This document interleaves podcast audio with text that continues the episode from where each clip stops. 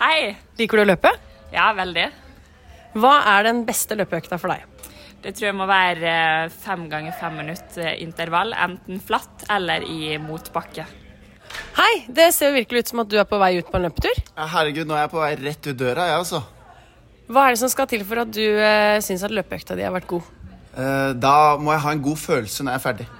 Smart. Takk. Velkommen til uh, NIH-podden. Jeg heter Kristina Gjestvang, og ved siden av meg har jeg Gjermund Erikstein Midtbø.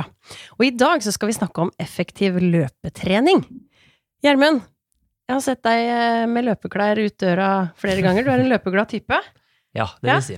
Hva er det som er det viktigste for at du skal få en god løpeøkt? Altså, jeg, løping er jo noe av det beste jeg vet, så egentlig er jeg fornøyd bare jeg kommer ut og kjenner liksom på det å være ute, se litt natur, eh, kanskje komme på en deilig, fin sti og få pusta litt eh, skikkelig.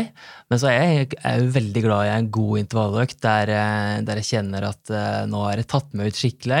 Så jeg er egentlig glad i liksom det der syredraget der du kjenner at sånn låra bare blir drittunge og du bare kan kaste det ned på bakken helt på toppen av bakken. Selv om det er ikke det som trender av løpetrening nå om dagen, har jeg skjønt. da. Det skal vi snakke litt med dagens gjest om. ja, og fokus i dag, det handler om løpetrening som skal gjøre deg bedre. Så vi eh, håper at du ved veis ende kan eh, få noen eksempler på hva slags økter du bør prioritere hvis du har begrensa med tid, hva slags type intervall er mest effektivt, underlag, hva gjør en rolig tur for eh, prestasjonen din, og hvordan kan du sette sammen en løpeuke. Ja, Hvis du kan få til to-tre løpeøkter i uka, åssen økter er det du skal prioritere? Hvordan økter er det som, Hvis du har lyst til å springe et løp, da, åssen intervalløkter bør du springe for en halvmaraton eller ti kilometer? Det skal vi høre med dagens gjest om, og det er ei bra dame, vil jeg si. Ja, Melina Meyer Maglas hun er doktorgradsstipendiat eh, på Institutt for idrettsmedisinske fag her på NIH. Der undersøker hun rett og slett hva avbrudd av stillesitting gjør for eh, helsa vår. Men du er også veldig glad i å løpe, og så har du deltatt på, i ski-VM, langrenn, for Hellas. Utholdenhet er liksom stikkordet når jeg tenker på deg. Ja, takk Kristina for introen. Det, det stemmer. Det har blitt, uh, Utholdenhetstrening har blitt en veldig stor uh, interesse for meg, og den startet vel egentlig når uh, vi gikk sammen, du og jeg, Kristina, på idrettsbiologi på bachelor her på NIH, så fattet jeg veldig interesse for det, og mm, ble med i Lyn ski, hvor løping var en stor del av treninga eh, for å bli en bedre skiløper. Så, og jeg syns egentlig alltid det var mye morsommere å, gå på, å løpe enn å gå på rulleski. Så jeg har alltid brukt mye løping og mye løpekonkurranser som en del av eh, treninga mot langrenn. da. Så nå driver jeg med coaching innenfor løping, og ja, alt med løping er gøy. Og så har du ikke bare praktisk erfaring med løping, men du har jo da, med tanke på den utdannelsen du nevnte, så vet du på en måte hva er det som skjer eh, på cellenivå inni kroppen. Hva skal til av stimuli for at vi blir bedre? Ja, det er jo utrolig mye som, eh, som foregår når man setter i gang med fysisk aktivitet inni kroppen. Der er jo kroppen helt fantastisk til å oppregulere og nedregulere sine ulike energiprosesser. Og så vil det være litt forskjellig avhengig av hva slags type aktivitet vi gjør, og hvor lenge vi holder på, og litt som Gjermund nevnte innledningsvis, hvor hardt vi tar i og sånne ting. Og det er jo ting som vi som fysiologer, treningsfysiologer tenker på da, når vi skal planlegge trening for oss selv og for andre for hvem som helst, egentlig. Eh, hva er det faktisk som skjer i kroppen? For vi må jo ha noen gode forklaringsmodeller til grunn når vi skal lage treningsopplegg. Mm. Nå er det jo eh, vår og snart sommer og deilig ute. Da blir jo folk, sikkert litt ekstra på å spri, glad i å springe eh, og tenker kanskje på et løp der framme. Har du noe sånn løp i sikte framover, eller åssen er dine, dine tanker om løping om dagen? Jo, jeg tenker eh, at jeg nok skal få løpt et par løp. Eh, Akkurat i snakkende stund så er jeg bitte litt gravid, sånn at, eh, sånn at det, det legger på en måte litt begrensninger på prestasjonsmålene. Men så lenge man er frisk og rask, så kan man alltids delta i løp likevel. Så jeg håper å få vært med på kanskje først og fremst et par terrengløp og et par gateløp til høsten. Så får vi se om det blir noe sånn spontant eh, nå på, på liksom vårparten eller senvåren, da. Fordi at eh, nå er det jo det du sier, Gjermund, at det er vår og veldig mange setter i gang. Da begynner jeg å tenke på belastningsskade med en gang. Og så Mhm. sier du nå underlag. Hva slags underlag bør jeg begynne på hvis jeg liksom ikke bare at jeg vil Altså, jeg har, det har vært vinter, jeg har ikke fått løpt ute. Hva slags underlag bør jeg begynne på? Ja, du kan jo egentlig begynne på hvilket som helst slags underlag, men hvor lenge du kan holde på eh, på det underlaget, og på hvilken intensitet, vil være veldig varierende. Det er jo eksempel mye mer eh, belastende for eh, kroppen å løpe på asfalt eller på tartan, som er sånn bane, friidrettsbanedekke, sammenlignet med det å eksempel løpe på eh, litt myk grus eller sti og skogsterreng. Um, sånn det, og det vil Altså, jo hardere underlag, jo desto måte større er belastningsfaktoren, da. Så um, jeg vil jo anbefale at man begynner med å springe på litt variert underlag. Det, hvis du bor i veldig urbane strøk og det er upraktisk og langt å ta deg til marka, og du ikke har en sånn grønn lunge med grusveier rett ved der du bor, så kanskje du Det er asfalt, da, men da må man korte ned tiden. Kanskje man må begynne med å løpe et eh, Hvis man ikke har løpt hele vinteren, og egentlig kanskje ikke har løpt så mye før heller, men har lyst til å komme i gang, så kanskje det holder med at man har et kvarter totalt med løping, men at man veksler litt mellom å, å løpe og gå, så man faser inn løpingen gradvis. Det var bare ett et, et eksempel på relativt lavt nivå, men selv for de som er veldig godt trent, men som kanskje ja, sånn som i mitt miljø er det jo mange som prioriterer ski hele vinteren, og så skal man fase over til løping nå, folk er godt trent, men likevel veldig konservative med den overgangen til å løpe på hardt underlag, og prøver ofte å oppsøke stier og ja, skog. Jeg tenker jo at det, hvis du, uansett hvis du har løpt hele vinteren da, på en tredemølle, Mhm. så vil det være ganske hardt for uh, skjelettsystem, muskler, sene ledd, hvis du går rett ut på asfalt. Ja, helt Mm. riktig. Så, så det gjelder å være Jeg liker å bruke ordet konservativ, det bruker jeg mye i mitt virke som trener. At man er, det er bedre å trene eh, litt for kort og litt for lite i denne her overgangsfasen enn å trene for mye, og så bryter det kontinuiteten din. Som er noe av det viktigste prinsippet vi har hvis man skal få noen resultater. Så, og så er det jo veldig vanskelig å liksom, måle ut nå her på podkastepisoden hvor mye liksom bør hver enkelt gjøre. Men, eller hvor lenge kan du løpe den første økta? Man må jo prøve seg litt frem. Men jeg tenker at eh, stopp heller litt før du får vondt, og før du blir kjempesliten de, de første par eh, De tre-fire ukene. Det er en sånn kritisk overgangsfase. Og sjøl om eh, en skal springe løp på asfalt, da, som disse gateløpene og 10 km halvmaraton ofte er Jeg er veldig glad i å springe 10 km og prøver liksom å perse hvert år. da. Så jeg har jo en sånn, et mål om det der ute på høsten en gang. Men så er jeg jo ikke så glad i å springe på asfalt, så jeg vil jo helst unngå det. Men eh, bør en springe mest mulig på det underlaget som en skal konkurrere på og har lyst til å bli god på? Og det tenker jeg nok at er veldig mange ulike meninger om, uten at det egentlig er noe fasitsvar. Men jeg liker et sitat som eh, heter eh, 'Train on trails, race on roads'. Mm. Og så er det sikkert mange som vil være uenig i det. Men i hvert fall i en sånn periode hvis man, man trener mot et løp, da f.eks. en 10 km, og du har, eh, du har et par måneder på deg til du har tenkt å perse, for ofte velger man seg jo ut noe som er litt fram i tid. Så, så tenker jeg det er gode argumenter for å å legge inn en sånn periode hvor du kanskje trener ganske mye, men, og at mye av det er på nettopp sti og grus og, og, og terreng.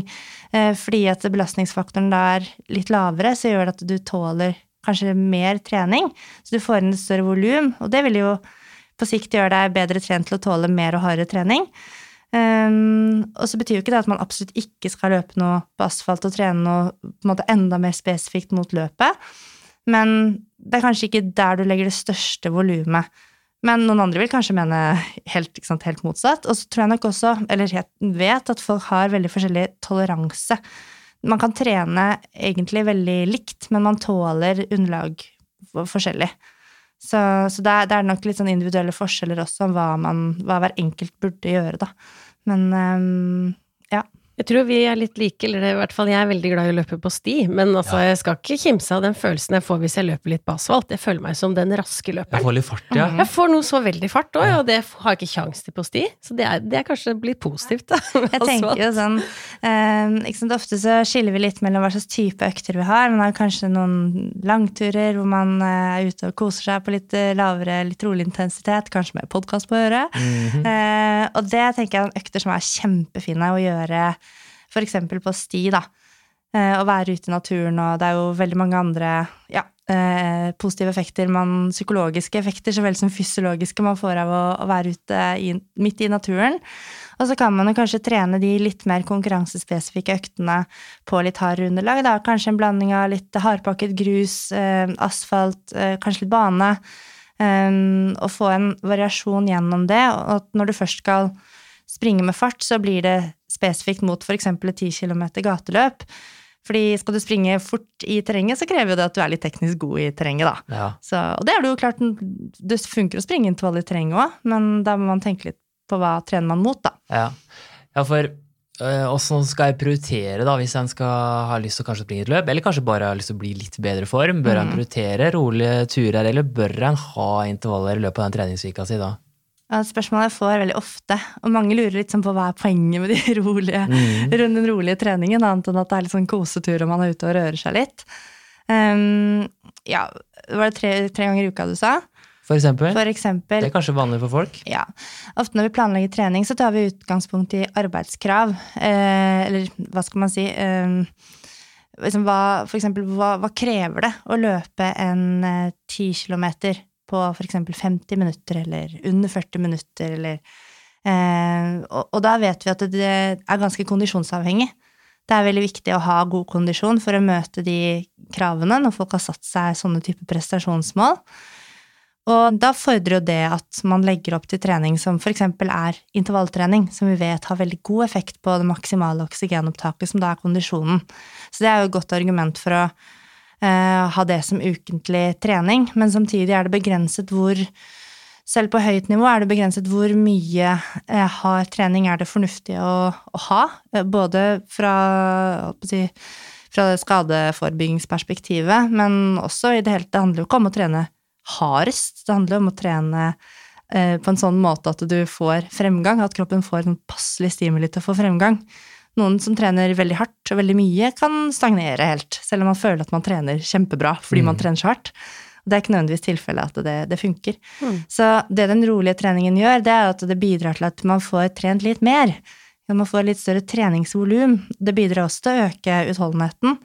Um, så, så man stimulerer jo både den muskulære utholdenheten eh, som vi trenger for å kunne ja, holde ut i, holde ut i Både på økter og løp og i livet. Det, mm. det letter jo også hverdagsbelastningen å ha bedre muskulær utholdenhet. Og så har vi da disse intervallene, eller litt Det må jo ikke være intervall, men litt tøffere økter som, eh, som stimulerer eh, hjerte og blod og, og, og de sentrale faktorene, som vi kaller det, veldig godt. Og kombinasjonen av de to tingene, det gjør at du blir en bedre løper, uansett hva du har tenkt å stille opp i. Eller ikke stille i noe. Så la oss, eh, la oss konkretisere. Eh, Vi er på forsommeren nå. Oslo Maraton er jo et velkjent løp. Det er i Mhm. september. Og så har jeg ti til tre økter i uka, som vi allerede har snakka om. Altså, hva bør jeg prioritere, hvis vi tenker liksom mandag, onsdag, fredag, eller Mm. Eh, jeg vil nok eh, ja, halvmaraton fra og med nå. Jeg tenker at jeg ville Eller ti kilometer, kanskje? Ja, ja. Og treningen er ikke så forskjellig, egentlig, eh, om du trener til en halvmaraton eller ti kilometer. Det er ikke, selv om det er dobbelt så langt med en halvmaraton, men eh, det er likevel kondisjon og utholdenhet som, som må trenes. Um, ja, i utgangspunktet så tenker jeg at en to økter i uken med moderat til høy intensitet, eh, det vil ta deg veldig langt både med tanke på utholdenheten og kondisjonen. Eh, og så kanskje en rolig langtur, som, og så er det jo topp hvis man har tid til å være ute litt lenger enn en intervalløkt varer, hvis man eh, skal løpe et halvmaraton f.eks., så man får trent seg både litt fysisk og mentalt på det å holde på en stund. Så egentlig tenker jeg det er en veldig sånn fin fordeling. Og da ville jeg kanskje, hvis man skulle plassert det på ukedager, det blir jo litt sånn i en perfekt verden uten å vite hva, hva slags andre ting folk har på agendaen, men da hadde jeg kanskje hatt en, eh, en eh, intervall på eh, tirsdag og en intervall på torsdag, og kanskje en rolig langtur på søndag. Ja, Og så burde det vel kanskje inn en styrkeøkt der òg. det er kanskje lurt, det. ja. Men åssen type drag og pauser og lengde? Jeg vet mange lurer på det. Ja, det er ehm, Det fins jo ikke noen sånn fasitoppskrift, egentlig. Eh, Det er jo dette her med distribusjon av intensitet og, ehm, og, og alt det der, og volum selvfølgelig også, det, det er liksom egentlig vanskelig å gi veldig gode svar på. Ehm, fordi det vil være forskjellige eh, ting som passer på forskjellige personer. Når vi ser på forskningen, så er det jo gjennomsnittsforskning. Så går man litt dypere inn i dataene, så ser man at det er ganske stor spredning i hvordan folk responderer på trening. Så, så det, er, det, er, egentlig vanskelig å gi et sånn helt uh, konkret eksempel, men jeg pleier ofte å si at hvis man er helt nybegynner til kondisjonstrening, eksempel, så kan det holde veldig fint med et effektivt volum, dvs. Si at en effektiv tid på høy intensitet på mellom 10 og 15 minutter. Og så kan du jo dele det inn i intervaller litt sånn som du syns er morsomt å holde på med. Jeg vet at mange driver med fire ganger fire fordi det er en kjendisøkt. Ja. Men det, finnes, det spiller ikke så stor rolle hvordan du komponerer det, så lenge du, du får liksom pulsen opp eh, over litt tid, da. Litt kan, sammenhengende tid. Det kan være seks ganger tre minutter. Mm, for eksempel. Så, ja, eller hvis du da sier ti minutter, da, ikke sant. Ett mm. minutt ganger ti. To ganger fem. Ja, altså, ja. Det, det, kan du gjøre. Det som er fint med å dele det litt mer opp, som eksempel seks ganger tre minutter, eller fire ganger fire, eller tre ganger fem, eller noe sånt, det er jo at det, det lar deg gjøre litt større arbeid per tid. Eh, versus det å løpe én gang 15 minutter eller 10 minutter fort. Det blir nesten som et testløp. Det kan man gjøre av og til for å presse seg litt. Mm. og se liksom hvor, eh, hvor, langt man klarer å løpe på f.eks fem minutter, eller, eller løpe en 3000 meter, eller et eller annet sånt. Eh, det, det, kan man liksom gjøre innimellom som en sånn skikkelig rysere for å ha et testløp for seg selv. Ja, det er lov å ta seg helt ut av det. Ja, ja, ja. Men ellers, sånn på de, de, ukentlige dag ut og dag inn i intervalløktene, så trenger man jo ikke ta seg helt ut, faktisk, for å få den beste effekten. Det er jo egentlig et viktig poeng. Um, men, men, del gjerne opp den effektive tida. Hvis man er litt mer eh, erfaren løper og har kanskje løpt intervall to ganger i uka over lang tid, så trenger man kanskje et treningsvolum som er rundt sånn 20-25 minutter eh, på moderat og høy intensitet per økt. Og så, ja Utover det så begynner vi å, å snakke at folk nærmer seg eliteklassene. Ja. ja. ja. for der eh, det kommer kanskje eliteklassen inn, da. Eh, mm terskel. Der kommer, der kommer, du inn. ja, det var det, da. Jeg kan jo si at jeg bruker da, jeg bruker å ha to intervaller i uka alltid. Kanskje én mm. motbakke og én eh, flat. Kanskje én på bane og én sånn syredrag og én mer terskeldrag. da. Det bruker jeg å dele opp i. Hvor kort eller lange intervalldrag har du da? Jeg har litt begge deler, da, men jeg har ofte kanskje sånn seks ganger seks minutter. Eh, eller fem ganger fem minutter i sånn lengde på draga. Eh, Kosa meg i motbakkene på ordet her. Og så kanskje kan jeg ha sånn 45-15 eller 400 eh, meter 1000 meter der, 6 mm. ganger 1000 meter, 8 ganger 1000 meter på bane, da. Det er veldig likt som jeg trener òg. sånn. Det er liksom Ja. Eh, men når du sier terskel, så er det et begrep for mange som er litt sånn diffust, og det ja. er jo et begrep som er diffust for oss fysiologer også, egentlig. Vi er jo ingen som er enige egentlig om hva det betyr. Eh, men, men det er jo en sånn følelse av at du kan Det er behagelig anstrengende vet jeg Thomas Losnegård på Olympiatoppen, som er fagsjef der, pleier å si. Behag anstrengende, du kan holde på ganske lenge. Eh, for mange så er det ganske sånn konkurransespesifikk sånn langdistansefart eh, og intensitet. Så, så, det er en, eh, også egentlig en fin intensitet å starte med når man ikke har løpt på en stund, som du var inne på, Kristina. Det med at man, man starter kanskje på litt sånn lavere sjikte av det man ville kalt for hardt, da. Høyere sjikte av moderat. Og, og da, man får veldig god effekt på kondisjonen der òg. Man får veldig god effekt på utholdenheten. Du får litt det beste av to verdener, egentlig. Um, samtidig så er ikke restitusjonstiden så lang som hvis du skulle trent enda hardere.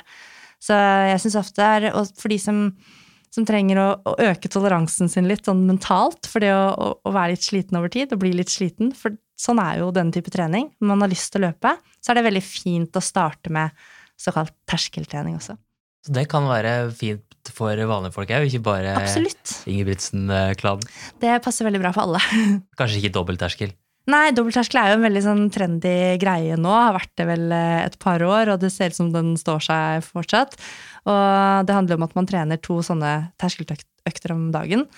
Og det passer sikkert for mange, men eh, sannsynligvis ikke for de fleste. Og det er sannsynligvis ikke nødvendig for de fleste heller. Da er man oppe på et så høyt treningsvolum at det, du må faktisk trene to ganger for at det skal skje noe mer. Apropos trender. Dobbeltterskel eller fire ganger fire, som vi har nevnt. Hva er det som trender på løpefronten nå, av intervaller? Ja, bortsett fra dette med dobbeltterskel, men det trenger jo ikke nødvendigvis være intervall. Jeg ser jo mye sånn um, er, Det er en klassiker, men for, varianter av 45-15 ser jeg jo går veldig mye igjen. Det er jo 45 sekunder løping, og så er det sånne mikropauser på 15 sekunder. Og noen ganger så gjør man det mange, mange drag etter hverandre. Og andre ganger så deler man det opp, f.eks. at man har flere serier. Kanskje man gjør fem stykker etter hverandre, og så tar man en litt lengre pause, og så gjør man fem til. Så det er mange måter å liksom dele opp 45-15 på. Du kan lage det til en terskeløkt, eller du kan lage det til en beintøff kondisøkt. Ja, det er veldig mange muligheter med den, og så er det 45 sekunder er veldig overkommelig, da. Enig. Ja. Det funker for mitt hode. Ja. Ja. Og så ser jeg også at eh, Det er jo litt sånn basert på hva jeg ser folk legger ut i sosiale medier, og hva de, hva de trener. Mange er jo veldig ivrige på å dele hva øktene sine. Og der ser jeg også at eh, pyramideintervall, som egentlig er jo Det er ikke noe nytt, men det er også veldig populært, da. At man har gradvis eh, kortere drag, for eksempel, eller Men det er kanskje viktig å formidle at den, selv om en har en intervalløkt, så må en ikke ligge og nesten spy etter økta. Den kan være forskjellig grad av intensitet. Absolutt. Det er jo mange som er nesten litt redd for intervall og gruer seg veldig til det, og egentlig ikke Man hører at det er så bra, man har ikke lyst til å begynne med det, for det virker så vondt. Og det er et stort poeng at man faktisk ikke eh, ser mannen med ljåen, og det handler ikke om å ta i alt du kan. Du kan faktisk få litt dårligere effekt, eh, treningseffekt, av å, å trene ekstremt hardt. Og det har litt med hvordan, eh, ja, hvordan eh, hjertet oppfører seg på de mest, aller mest eh, høye intensitetene. Og eksempel fyllingsgrad av hjertet og sånne ting som kan endre seg eh, til det dårligere når det er så det er så innmari høy puls at uh, i disse avslapningsfasene, kall det mellom hjerteslagene, da, så rekker ikke hjertet fylle seg maksimalt med blod. Og det er en veldig viktig ting uh, for at vi skal få et litt sterkere hjerte. For når hjertet blir helt fullt med blod, så blir det satt på litt strekk, og det er liksom hjertets styrketrening. Så, så, det, så den um, uh, Og hvis man liksom klarer å holde seg opp mot kanskje 95 av makspuls, da, så er det nok massevis. Det trenger ikke være 99% av makspuls. Det skal jeg ta med meg. Ja. Nå bruker jeg veldig mye subjektiv intensitetsstyring i mitt arbeid som instruktør, men jeg pleier jo veldig ofte å si, hvis vi skal ligge da på maks, at eh, nå skal du på en måte kjenne at du tar i, men et veldig urealistisk eksempel, men hvis du kommer en tiger inn døra etterpå, så skal du ha det siste giret som gjør at du kommer deg ut av rommet. Ja, Ja. ja, men det er egentlig et veldig fint bilde. og, det, og, det, og det, man skal ikke kimse av Når jeg når jeg har nevnt makspuls, da har vi sagt litt terskel og litt moderat og høy og lav intensitet og sånn. Og det er, man skal ikke kimse av det å bruke følelsen når man, man trener løping. Det er veldig Egentlig kanskje noe av det viktigste verktøyet man har, å lære sin egen kropp godt å kjenne hva som er hardt og rolig og moderat for deg. Og så, ja, pulsklokke gøy å bruke i tillegg, men man må ikke ha det. Jeg må spørre om eh, en form for trening som mange i tidsklemma bruker. da, Transporttrening og springe fram og tilbake til jobb. Det er jo ikke sikkert at det er så mange kilometer. Kanskje det er fire-fem kilometer eh, begge veier, da, men så får en kanskje da ei økt om morgenen og ei økt på kvelden. Eh, er det like bra som å kjøre det sammen? Ja, det er et spørsmål jeg har fått mange ganger. Em, I utgangspunktet så er det jo det samme treningsvolumet som, som hvis du hadde slått, deg og si du løper fem kilometer hver vei, da. Eh, Så er jo volumet det samme, eh, mengden trening. Og hvis du løper på samme fart eh, og intensitet, så er jo arbeidet det samme òg. Så i prinsippet da så vil det være like god trening, like godt stimuli, som hvis du hadde løpt en sammenhengende ti kilometer. Men så kan det være noen andre selvfølgelig faktorer som påvirker utholdenheten vår, påvirker oss mentalt når vi holder på lenger over tid, em, som, som man kanskje ikke får med to kortere økter, men, men dette er vanskelig å måle. Uh, og eh, jeg vet ikke hvor mye studert det er heller, men jeg ville tenkt at uh, det er i hvert fall veldig mye bedre å løpe fem kilometer hver vei enn å ikke få løpt i det hele tatt. Jeg vet at det er realiteten for veldig mange. Jeg tror det er det for oss tre som sitter her, i hvert fall. At eh, ja, i en hektisk hverdag med familie og jobb og alt, så hvis man har, bor i en sånn avstand man kan bruke aktiv transport, uansett hva det måtte være, så frigjør det tid. Og det er en kjempefin måte å få inn f.eks. den rolige treninga på, da. Dette her, eh, Gjermund, det her er en masteroppgave som vi kan eh, få noen studenter inn på, Ja, så kan du være med som deltaker. Ja, Så må vi finne ut av det. Transporttrening versus eh, en total lengde på en økt. Én gang. God idé. Mm. Vi skal gå inn for landing, men vi kommer ikke unna å snakke om styrketrening. Og du nevnte jo i stad også at hvis man har en dag ekstra, så bør man kanskje trene litt styrke. Hvor kommer styrke inn i løpssammenheng? Ja, styrke er, styrketrening er prestasjonsfremmende trening, rett og slett, eh, inn mot løping. Det har blitt mye snakket om at det er skadeforebyggende trening, men vi vet at det også kan forbedre arbeidsøkonomi, vil si at du bruker f.eks.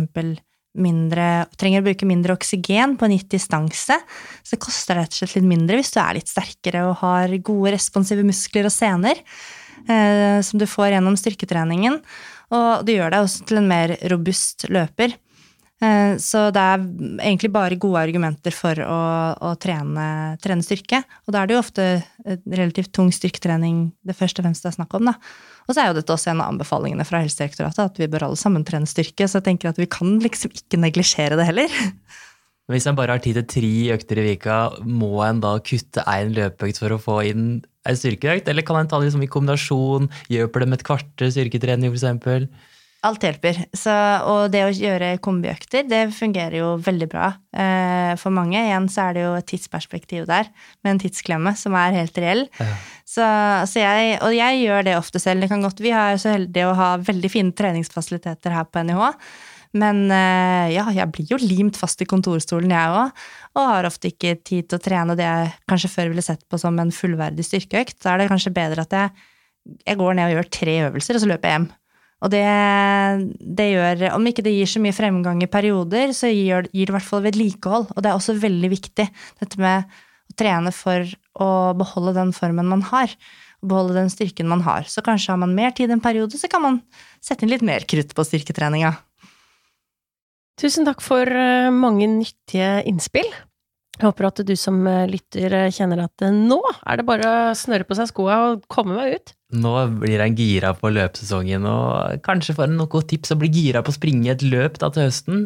Det er jo utrolig moro å komme seg, stå på startstreiken og komme seg i mål og føle at du har gjort ditt beste. Ingen bedre følelse enn det. Helt enig. Hei, ser ut som du er på vei ut på løpetur. Ja, jeg pleier å ta en morgenøkt, jeg. Ja. Hva er det som eh, er den perfekte morgenøkta for deg, da? Den perfekte morgenøkta er eh, ut og løpe i skogen før jeg setter meg på kontoret. Den som har redigert episoden i dag, det er Eskil Byrkjeland, og følg med. Om bare et par uker så kommer det en ny episode, og har du lyst til å holdes oppdatert underveis, så følg oss på Instagrammen på NIH-podden. Vi høres.